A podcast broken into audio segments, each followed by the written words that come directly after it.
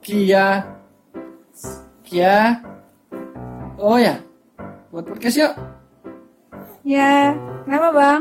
Buat podcast yuk. Buat podcast? Eh, Oke oke, tapi tunggu Ambrus bangun dulu ya. Oke.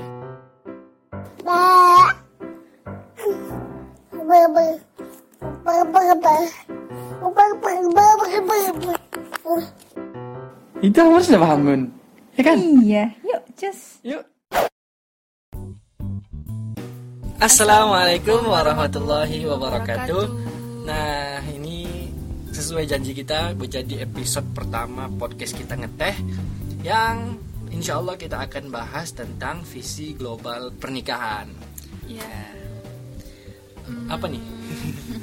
Nggak sebelumnya kan kita eh, ngebahas ini semua dari pengalaman pribadi aja sih gitu loh. Jadi bukan kita tuh bukan expert banget atau gimana gitu. Karena kita bukan konselor pernikahan juga sih ya kan. Jadi Iya. ya ini sih sharing-sharing aja ya.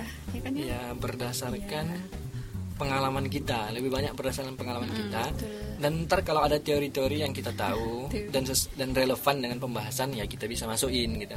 Tapi secara garis besarnya ya pengalaman ya kan. Yuk, yo. Nah, karena visi global pernikahan pertama kita Oh iya, bahas episode dulu. pertama visi global pernikahan. Kita bahas dulu nih tentang eh, kenapa nikah itu penting atau kenapa, Kenapa? kita butuh Kenapa nikah. harus nikah? Ah, kenapa harus nikah? Nah, kenapa ya kita harus nikah? Kenapa ya? Karena kita lagi di fase di masa dewasa gitu. Biasanya tuh usianya 18 sampai 40-an gitulah gitu. Nah, eh, karena kita lagi di fase atau di usia yang dewasa awal ini, emang itu kalau dari sisi perkembangannya kita sedang membentuk eh, hubungan dengan orang lain gitu. Nah, salah satu Jadi kita itu- butuh gitu di fase ini sama orang lain ya. Iya gitu, jadi kayak ingin emang ingin membentuk hubungan intim dengan orang lain. Nah salah satunya itu dengan pernikahan gitu. Nah itu itu kan secara naturalnya kan. Berarti kita memang di umur yang segini kita butuh sama orang ya kan. Hmm. Dan kita emang kayak makhluk sosial juga gak sih butuh orang juga gak sih untuk mendampingi gitu.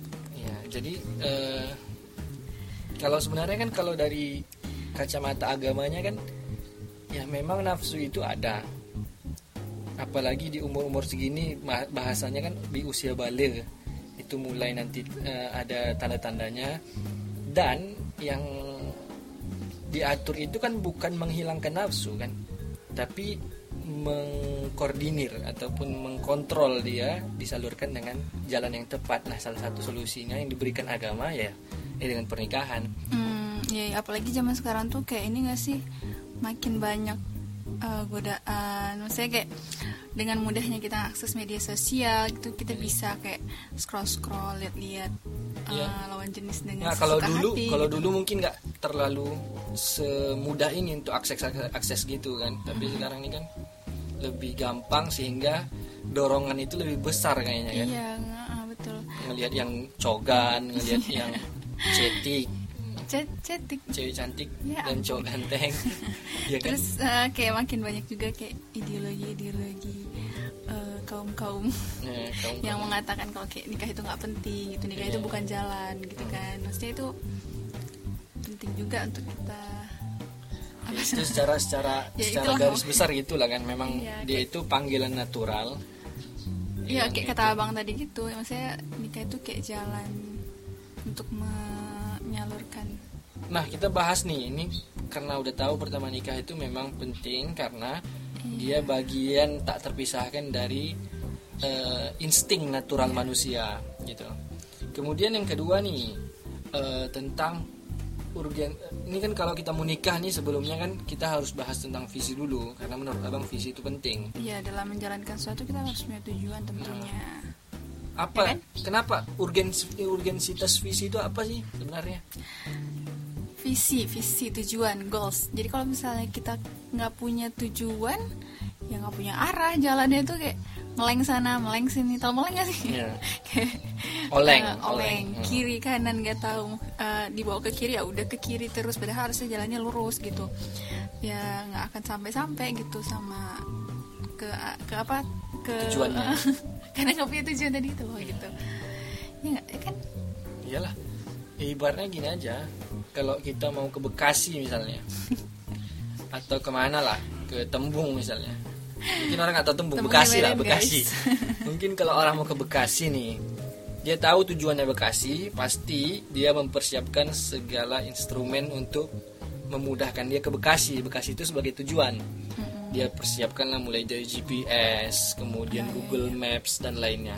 Yang kalaupun nanti macet-macet Google Maps-nya GPS-nya hilang sinyal paling enggak dia tahu tujuannya Bekasi dia bisa tanya orang tanya gitu ya. orang yang ada lain-lain. Ya, lainnya. walaupun nyasar dan lain-lain tapi dan tetap ada nyampe. usaha di untuk ya. mencari. Tapi kalau misalnya Mencapai. alat semua pun ada mobil ada semua ada tapi dia nggak tahu tujuan dia ya kayak, kayak mana orang nggak tahu tujuan? Tujuanmu mana? Nggak tahu. Ya musing-musing aja jadinya. Nggak ada arah yang jelas gitu. Nah itu urgensitas visi. Jadi visi itu play big role lah dalam hubungan nggak usah kan dalam hubungan dalam setiap aktivitas manusia kayaknya punya harus punya visi dalam Mm, hidup ini dalam hidup aja kita harus Iya. punya visi gitu apalagi kan. nikah kan Iya. Nah, karena ada tahunya pentingnya nih, eh, kemudian visi global secara umum gimana sih menurut Kia? Menurut Kia nih, Ya kalau umumnya tentunya orang kalau menikah itu pasti tujuannya ingin eh, bisa bersama-sama pasangan itu mencapai tujuan akhir mereka yaitu surga gitu sama-sama. Ya dicapainya mungkin da- dengan rumah tangga mereka yang sakinah, mawadah, warohmah gitu. Itu nah kayaknya itu kan itu kan tapi kan umumnya. umum dan klise gitu, maksudnya ya nggak sem- nggak salah. Nggak Itu- salah, tapi- itu emang tujuan semua orang secara Iya. umumnya. mau dibilang nggak dibilang ya orang ketika mau bangun rumah tangga ya ke semuanya situ. ingin Nah, itu. tapi kan yang ad- kan harusnya ada kan yang lebih lebih real lagi selain hanya sakinah mawaddah Nah, warahmah. Gimana lebih sih? konkret. Gimana sih eh, mau menuju ke sakinah mawaddah warahmah? Nah, gitu. Itu kan yang harus dijawab. Menurut Kia gimana? Iya, iya. Kan jadi kayak per- eh, umumnya itu sakinah mawadah warahmah. Terus diturunin lagi nih sakinah itu nanti eh, apa konkret-konkretnya indikator untuk mencapai rumah tangga yang sakinah itu apa gitu. Mawadah mawadah itu apa, warahmah itu apa gitu. Jadi itu secara umum globalnya sakinah, mawaddah dan rahmah. Tapi harus ada tujuan-tujuan eh, kecil yang bisa mengantarkan ke sono, kan gitu kan? Iya. Hmm. Kalau kalau menurut abang nih, ini menurut abang nih ya, globalnya itu pasti semua orang ingin kehidupan yang baik untuk keluarganya, untuk pasangannya, untuk familynya, membantu membentuk hubungan yang kuat dan long lasting lah, istilahnya untuk selamanya gitu. Yang itu bahasa agamanya sakinah mawaddah warahmah. Tapi perlu tujuan-tujuan eh, yang lebih spesifik. Spesifik itu maksudnya yang eh, per skala gitu. Maksudnya nanti misalnya nih kita nikah nih, nanti eh, kerjaan mau gimana, kemudian mau kontribusi apa yang dibangun untuk keluarga secara eh, secara khususnya dan untuk masyarakat secara umumnya. Untuk eh, ada tujuan yang harus kita lebih bangun. Lebih spesifik. lebih spesifik untuk kita nih keluarga kita nih mau gimana nih mau ke depannya mau Iya iya iya paham. Dari segi kayak finansialnya itu gimana Iya. gitu kan? Apa kerjaan mau Iya, gimana apakah istrinya boleh bekerja kah atau suaminya aja atau gimana? Nanti pengasuhannya gimana gitu-gitu ya Mas? itu visi-visi yang detail gitu harus dibicarakan. Tapi ya pertama memang eh, visi itu ada dua lagi ya kalau dijabarkan. Yang pertama visi pribadi ini sebelum sebelum kita nikah nih misalnya kan. Kia sama bang sebelum nikah. Kita kan relatif nikah muda nih kan. Yang pasti dalam benak kita dalam eh, mindset kita ada tujuan-tujuan pribadi. Visi itu kan bahasa gampangnya tujuan. Ada tujuan pribadi. Misalnya abang tujuan pribadinya apa? Kia tujuan pribadinya apa? Nah tujuan pribadi itu yang biasanya mendorong nanti orang untuk membuat sesuatu seperti kata tujuan tadi yang kita contohkan tadi. Nah ada visi yang kedua nih visi bersama nih. Iya. ya kayak wakil presiden sama presiden aja. Sebelum orang itu jumpa kan mereka ya punya tujuan masing-masing. Aku mau bangun Tujuan Indonesia misalnya. Ambisi masing-masing. ya aku bangun uh, UMKM misalnya. Nah ketika bersama nah ini yang sebenarnya yang eh, harus di di apa ya bahasanya? Jadi tuh kayak eh, visi eh, si istri sama si calon eh calon istri dan calon suami masing-masing punya visi masing-masing tentunya nanti dileburkan untuk Nah. mencapai visi bersama. yang visi bersama ini kan gimana menurut ya visi bersama ini kan nggak bisa dirancang kecuali sudah duduk bersama. Kan gitu? Kecuali sudah nikah gitu. Gimana? Hmm, enggak misalnya gini kita nih belum tahu nih belum pernah nikah nih gimana kita tahu merancang visi itu bersama visi yang gede nih ke rumah tangga ya kalau ya kan kita nggak boleh deket-deketan nih misalnya ya dia sendiri hidup sendiri abang hidup sendiri sebelum nikah nih gimana Iya kan maksudnya pas sesi perkenalannya itu loh. Hmm. Eh, misalnya dia punya ya secara garis besarnya aja gitu. Kira-kira nanti untuk ke depannya mau gimana tujuan si A ini eh, gini loh aku punya tujuan menikah tuh nanti gini gini gini gini. Eh, terus si calon suaminya bilang aku juga gini gini gini. Oh, ya, paham, terus kayak win-win solution aja kayak apa eh, dileburkan ya secara umum gitu tapi nanti ketika menikahnya nanti kondisinya beda lagi itu pasti. Tapi ya setidaknya mereka punya gambaran dulu loh di awal baru nanti di akhir ya pas menjalaninya ya itu relatif lagi bisa diubah lagi gitu dan eh, ketika nanti dia udah nikah baru lebih nampak gambarannya kan. Karena- karena kalau kita memulainya pas sudah nikah menurut gue sih kayak Telat eh, PR nambah PR gitu loh. kenapa ketika tugas itu bisa diselesaikan lebih dulu di awal Hmm, ya, iya, iya. jadi kayak bisa terurai lebih eh, Iya, iya, paham, paham. jadi PR-nya tuh kayak nggak numpuk di tapi tetap tetap menurut abangnya tetap gambaran jelasnya itu ini kan namanya pendapat kan boleh setuju boleh enggak. Tetap gambaran jelasnya itu baru nampak Ya, ketika pasti. eh, Sudah udah nikah. nikah. karena kan kayak kita aja kan misalnya gini-gini. Waktu langsung terjun baru oh ini kok kayak gini ya berubah Apa bedanya. Eh, kayak masalah finansial aja kan. Ketika belum nikah sama udah nikah kan rasanya ada tujuan yang bisa di adjust gitu ya itulah kurang lebih. Ya. tapi secara umum setuju lah dengan semua yang ini. Selanjutnya itu udah tentang tujuan. Urgensitas tujuan. Nah selanjutnya ini tentang eh, faktor nih. Faktor. Faktor faktor apa sih? Faktor yang mendorong orang mempengaruhi orang untuk nikah. Motivasi kita- lah ya mungkin. Motivasi bisa lah apa, apa aja lah yang itu motivasi. Pertama kita buat ada natural pressure ini gimana nih tanggapan Hmm. sesuai dengan pendekatan ranah masing-masing nih? Hmm. gimana nih? Natural pressure Natural apa pressure nih tuh kayaknya kalau bahasa ini bahasa lembutnya ya bahasa kasarnya kayak hawa nafsu gitu ya. Iya. kayak dorongan dari dalam diri masing-masing orang gitu ya kali ya.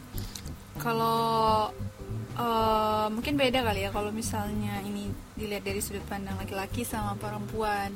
Ada kebutuhan masing-masing berbeda gitu kalau motivasi dalam diri perempuan mungkin eh, mereka lebih butuh kenapa mereka itu salah satunya mungkin karena butuh untuk eh, diberikan kasih sayang oleh pasangannya gitu terus kayak eh, diperhatikan Hmm.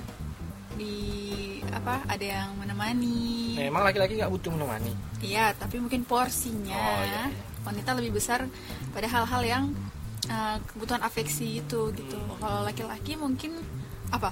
Eh, nah kalau laki-laki ini jujur-jujuran ya jujur-jujuran. Secara umum kayaknya secara ya. umum ya secara umum eh, natural pressure tuh sangat mempengaruhi laki-laki. Eh, di umur baliknya laki-laki aja kami secara umum itu udah tanda-tanda dorongan itu udah ada. Hmm, dan hmm, hmm. dan dia terus bertumbuh. Bertumbuhnya tuh secara ugal-ugalan dan berkembang ya bertumbuh apa itu? Secara ugal-ugalan lah eh, natural pressure-nya itu. Makanya kalau kalau dalam tinjauan agamanya makanya nanti eh, hal-hal gitu hadis Rasulullah aminkum ba'ah falyatazawwaj. Dan lainnya itu eh, untuk mengakomodir tentang natural pressure itu dengan nikah itu gitu jadi hawa nafsunya itu nafsunya itu ya memang nggak bisa dihilangkan itu natural insting terdasar Fitrah dari ya? manusia fitrah manusia Fitrah manusia. nah itu Terutama laki-laki yang itu porsinya lebih besar ya kayaknya. porsinya mungkin ya nggak tahu ya secara medis gimana ya Hmm. tinjauan medisnya tapi secara pengalaman kayaknya semua laki-laki lebih lebih semraut lah bahasanya lebih lebih besar lah gede lah dan karena laki-laki ini eh, dia orangnya cuek aja makanya lebih ter- lebih berani ini ungkap-ungkapan gitu. Kemudian lebih imajinatif. Ini laki-laki nih. Eh, semuanya diungkapkan, diceritakan, dibayangkan, yang itu makin ngedorong nih. Penasaran lebih lanjut. Nih kayak mana nih natural pressure itu. Hmm. Dan itu juga rahasia. Kenapa?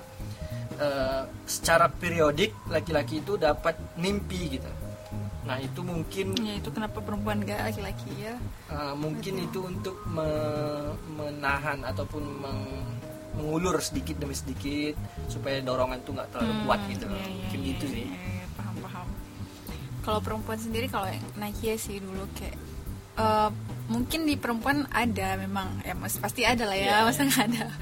Cuma mungkin itu porsinya sangat sangat dikit. Kalau Nike sendiri sih kayak nggak nggak nggak sih nggak kebayang hal-hal kayak gitu gitu karena lebih kebayang itu kalau pasangan itu eh, kebutuhannya eh, akan eh, kayak tadi itu yang udah dibilang tadi lah gitu Ah. afeksi gitu Ah.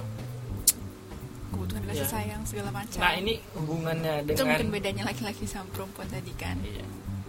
Nah ini hubungannya dengan visi apa? Nah gitu. Nah menurut menurut menurut kita nih eh, drive faktor internal ini itu bisa menjadi tanda seseorang tuh udah harus siap-siap gitu. Karena budaya di kita nih, budaya di kita nih harus diakui atau nggak diakui budaya dari kita nih, kita belajar ilmu nikah nih telat, ya nggak sih? Mm-mm. Tentang sex education dan Dan lain-lain. Itu tabu kadang kayaknya. ya itu dia tabu gitu untuk dibicarakan. Padahal itu penting untuk bukan untuk apa-apa gitu untuk diri kita sendiri Iya, gitu iya, loh. kita kalau kita nggak mempelajari hal itu ya yang rugi kita sendiri bukan orang lain gitu. Tapi Jadi, tetap juga bahasnya nggak boleh iya. sembarangan kan. Maksudnya Edukasi ya. yang- dia ngomong sama pacarnya masalah sex education itu kan salah. Maksudnya pacar. maksudnya membahas dalam eh, struktur ilmiah gitu ya kan di dosen ataupun kelas-kelas ilmiah kelas eh, seminar pranikah Iya, ya gitu. Tapi itu sebenarnya di kelas-kelas lah pokoknya. Diskusi yang lebih serius dan ilmiah. Dan itu penting sebenarnya. Karena drive ini, eh, drive faktor internal ini, kalau dia nggak di kalau nggak dibarengi dengan eh, bekalan ilmu, dia melenceng jadinya nanti. Hmm, itu mulai pasti. nanti ada seks bebas dan lain-lain karena ya orang nggak dibekali. nikah gitu. gitu ya Nah itu Hmm. dia. Jadi kadang tapi kalau orang misalnya dia udah eh, tinggi banget drive-nya hmm, tapi belum nikah nikah itu mungkin dia bisa kan maksudnya ketika dia drive-nya udah besar banget nih Hmm. ingin menikah gitu kan salah satu eh, anjuran dalam Islamnya kan dia harus segera menikah gitu kan hmm. tapi kalau misalnya dia belum kunjung datang jodohnya itu mungkin dia bisa melakukan Nah sebenarnya hal-hal bisa. produktif lainnya benar. gitu hal-hal yang bermanfaat lainnya gitu loh. Cari satu hal yang dia minat dan sukai, ya udah fokus di situ aja. Karena eh, dorongan internal itu datang, memang dia datang secara eh, instingtif, maksudnya Ter- secara kita- ya secara normalnya dia datang, naluriah. datang, tapi dia akan menjadi besar kalau dia itu dipelihara gitu. iya kayak dipikirkan terus Ya, gitu ya nah, ah, jadi solusi-solusi sebenarnya dari Islam dan lain-lain bisa dengan puasa ataupun Iya. dengan eh, karena sejarahnya banyak. Ada seorang ulama buat buku Abu Fattah Abu Ghuddah, judul bukunya Al Ulama Al Uzzab. Ulama-ulama yang tidak menikah tidak menikah, jomblo. Iya, iya, iya. Nah, kita baca di situ semuanya rata-rata orang yang nggak menikah itu baik dari perempuan atau laki-laki, ya karena Oh, ada ya perempuan juga Ada. Hmm. Orang itu sibuk dengan sesuatu yang mereka minati gitu loh. dan itu bermanfaat Dan itu menghasilkan bermanfaat, sesuatu hmm. gitu kan jadi nggak cuma mereka tuh memikirkan hal itu gitu kan Iya. tapi mereka melakukan satu hal yang lebih produktif gitu untuk eh, untuk menahan sebentar nih kalau memang memang tujuannya nikah ketika rasa itu ada di di blok sebentar nih supaya nggak terlalu meledak-ledak gitu ya kan ketimbang disalurkan dengan jalan yang eh, salah. salah gitu. Hmm, atau nggak benar gitu. Nah balik ke tema tentang visi dan eh, faktor eh, natural pressure ini. Nah biasanya eh, dorongan faktor internal ini itu menjadi tanda kak seorang itu berarti dah dah harus belajar siap-siap. Apalagi di umur yang kayak bilang tadi umur yang apa tadi namanya? Oh pasti udah mulai masuk fasenya fase ya fasenya ketika dorongan itu makin besar sebenarnya kan itu menjadi tanda dia udah harus siap-siap kan? Mempelajari kemudian eh, belajar tentang eh, persiapan pernikahan. persiapan pernikahan kemudian mulai untuk menabung ya kan? Finansial Iya. persiapan finansial. Tapi sebenarnya menurut Kia bukan saat ya usia usia balik tuh biasa berapa sih? Laki-laki atau perempuan? Laki-laki itu laki-laki ya keba dia, Dulu dia berapa? dulu kalau abang eh, SMP Hmm, sebenarnya kalau menurut Niki kayak mempersiapkan menikah ini kan banyak banget ya ilmunya maksudnya dalam gitu kan. Bisa dicicil dari setelah kalian balik gitu. Kalau perempuan setelah haid kalau laki-laki pas mimpi. Iya sih hal-hal yang dicicil gitu karena ini banyak gitu. Iya kalau betul ya jadi nggak pas udah semua pas udah mau mempersiapkan meledak gitu kan Ah, nggak nggak pas masuk usia dewasa 20 itu baru dipersiapkan menurut Nike itu agak telat sih Hmm. jadi eh, hal-hal itu perlu dipersiapkan semenjak kalian balik sih karena itu akan sangat membantu Iya. dan itu bukan berarti kalian siapin dari usia muda banget kalian jadi kayak Gete ngebet gitu." banget nikah sih ngebet banget enggak ya udah biarin aja orang mau ngomong apa ya itu nanti manfaatnya untuk kalian sendiri gitu Hmm. dengan mempersiapkan hal-hal itu gitu dan eh, itu faktor internal tuh sebenarnya persiapan ini nanti akan kita bahas lebih rinci lagi di episode selanjutnya persiapan ya. Nah, itu Oke, balik aja. lagi. Nah, itu faktor eh, natural pressure atau faktor internal. Nah, ada faktor eksternal yang ini yang sebenarnya harus lebih diteliti atau di eh, aware kita aware sama ini karena ini banyak menipu. Ya kan? Apa itu? Yang Mamang maksud dengan faktor eksternal Hmm. ini? Faktor eksternal ini kayak eh, kayak sadar gak sih sekarang tuh banyak orang ngebet nikah ataupun eh, dia ya ngebet lah mau nikah gini asik ngomongin nikah terus tapi tapi itu datang karena faktor X ya jadi ya bukan- bisa karena bully misalnya nih dia nikah nih kan ya misalnya. karena mungkin eh, lingkungan dia Nah, iya benar, lingkungan. itu semuanya sudah menikah temannya udah nikah kemudian secara nggak langsung itu mempengaruhi eh, subconscious dia alam bawah sadar tapi dia. sebenarnya itu kayak hal yang wajar pasti kan. Iya, ada iya ketakutan dalam diri maksudnya kayak Iya, Kalau emang dia nggak kalau emang dia udah siap pasti itu akan menambah kecemasan dia. Kayak aduh kok udah pada nikah kok aku belum ya itu wajar sih sebenarnya. Iya. cuma itu perlu di uh, rasa itu tuh perlu di apa ya diarahkan gitu loh. Maksudnya Hmm. uh, jangan sampai karena melihat lingkungan sekitar yang udah nikah semua terus jadi cemas jadi pengen cepet-cepet padahal sebenarnya dia belum siap dengan ber- dengan berbagai persiapan pernikahan itu sendiri Nah makanya tadi di- dibilang di ini faktor eksternal nih. Kenapa kita bahas faktor internal dan eksternal supaya kita lebih aware nih. Kita dorongan kita nikah nih lebih oh karena iya. ya motivasi internal, kita nih karena motivasi apa sih gitu kan? lebih karena faktor internal atau eksternal. Kalau memang dia nikah hanya sebatas faktor motivasi eksternal, mungkin rangsangan orang lain dari luar nih. Orang lain dan nikah, kawannya asik nanya aja kan. Ada kan sekarang gitu kan? Ada akun-akun yang asik ngebully jomblo aja ya kan? Ada nggak? Pernah nggak baca? berbukalah dengan yang halal gitu-gitu Iya, kan iya. aduh apa sih gitu Nah, orang kan yang otomatis kalau terus distimulus dengan hal itu sedikit banyak kan berpengaruh ya kan Iya. sama dirinya. Akibatnya yang awalnya dia cuek aja masalah nikah, maksudnya ya mungkin targetnya di umur segini, tapi karena terus aja gitu-gitu jadi dia jadi dia Iya, iya, ya udah iya. ya udahlah nikah aja lah apalagi orang lain nikah. fenomena itu kalau paling sering kayak kalau lagi lebaran ya sama keluarga Syawal kan. Ah, Hmm. sama keluarga iya udah lagi lebaran ketemu banyak keluarga terus lagi syawal juga pasti makin dibully itu kan Hmm. kayak kapan ini nikah mana jodohnya gitu-gitu Nah ini kan yang harus benar gak sih? Ini harus yang lebih diawasi agar supaya kan kita bahas tadi visi itu penting.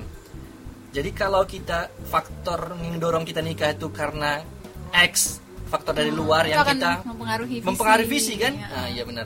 Jadi dia kayak aku udah nikah Oke, aja lah, tapi nggak ada nyiap nyiapin ini. Dia visi yang nggak mau, ya karena dia nikah ya karena didorong orang lain aja gitu. Oke, jadi kayak kalau misalnya dia itu udah paham kenapa dia harus menikah, dia tahu jelas gitu, jadi nanti itu akan mempengaruhi si tujuan dia menikah itu juga kan. Maksudnya Iya. akan lebih jelas, lebih terarah gitu. Ketika itu eh, dia motivasi menikahnya itu karena kayak orang-orang sekitar itu nggak akan akan buram gak sih visinya? Iya, gitu? iya, benar. Dia kayak jadi nggak tahu gitu apa sih tujuan dia sebenarnya menikah gitu kan. Nah kita kita dulu nikah awal eh, mungkin kekurangan kita juga masalah visi misi ini ya kurang Iya, kurang iya. di awal taruh tuh kurang terang gitu kan pas kita kenalan dulu kayak kita masih terlalu kan? umum ya, Ah. simple dan umum gitu yang kita global itu kita tadi kan sakinah mawaddah makanya ini untuk teman-teman jadi pembelajaran gitu Iya. Eh, kayak kita terlalu umum jadi sebenarnya tuh pas kenalan kayak seharusnya lebih diperjelas gitu. Nah, visi kamu apa? Visi kamu apa? Terus disatukan diperinci lagi gimana ngomongin lagi masalah ke depannya gimana pengasuhannya gimana semua finansial pekerjaan yang dirasa penting ya kan? Iya betul ya nah yang mungkin berkaitan dengan pernikahan itu kan. mungkin bisa kita simpulkan nih pertama pentingnya mengetahui eh, penting nikah dulu. Pentingnya nikah karena itu memang Fit, Fitrah eh, dan instingnya manusia. eh, fasenya udah di fase Nah, kalau umur kita ada masuk fase- segitu, ya itu memang instingnya manusia untuk menikah dan kita butuh. menjaga kita juga sebenarnya Iya, benar. kan karena berbagai godaan dan kita butuh akan hal itu. Nah, kemudian mengetahui dorongan nikah, apakah motivasi kita itu lebih karena memang faktor internal dari kita atau eksternal, itu berpengaruh banyak terhadap visi dan misi nikah kita, ya kan? Yang sebenarnya visi misi itu adalah salah satu hal paling penting dalam pernikahan untuk kita tahu tujuan kita nikah ke mana. iya Iya betul biar terarah gitu kan Nah mungkin itu aja ya, itu aja ya. Ada berapa menit? Ada 30 menit lebih. Nanti- banyak sih sebenarnya kalau banyak diomongin lagi tapi ya. nanti kan kita bicara Iya. per eh, lebih detailnya di di sesi-sesi berikutnya. Nah ini kan sebenarnya luarannya aja nih kenapa nikah visi global. Nanti Supaya kita teman-teman lebih ter- tercerahkan lagi gitu kan Ah. kenapa sih sebenarnya harus nikah dan ke depan insya Allah kita akan ya next eh, next episode mungkin kita akan ngebahas tentang apa tuh eh, Persiapan. persiapan Nah, gimana sih cara tahu kita tuh udah siap apa aja sih persiapannya gitu Iya. itu kayak yang seru sih ya hmm, insya Allah. Nah, nah ini udah gini aja lah pamit ya. Oh, iya. Kurang lebih mohon sebelumnya maaf. mohon maaf nih kalau dari tadi banyak kata-kata yang mungkin kurang berkenan atau gimana semoga ada manfaat yang bisa teman-teman ambil Dan yang buruk-buruknya bisa dijadikan contoh untuk tidak diikut. ya, kan? untuk Delete dijadikan aja. pembelajaran Nah saya mungkin segitu aja. Saya Ahmad Syauki. saya Nakia Assalamualaikum warahmatullahi wabarakatuh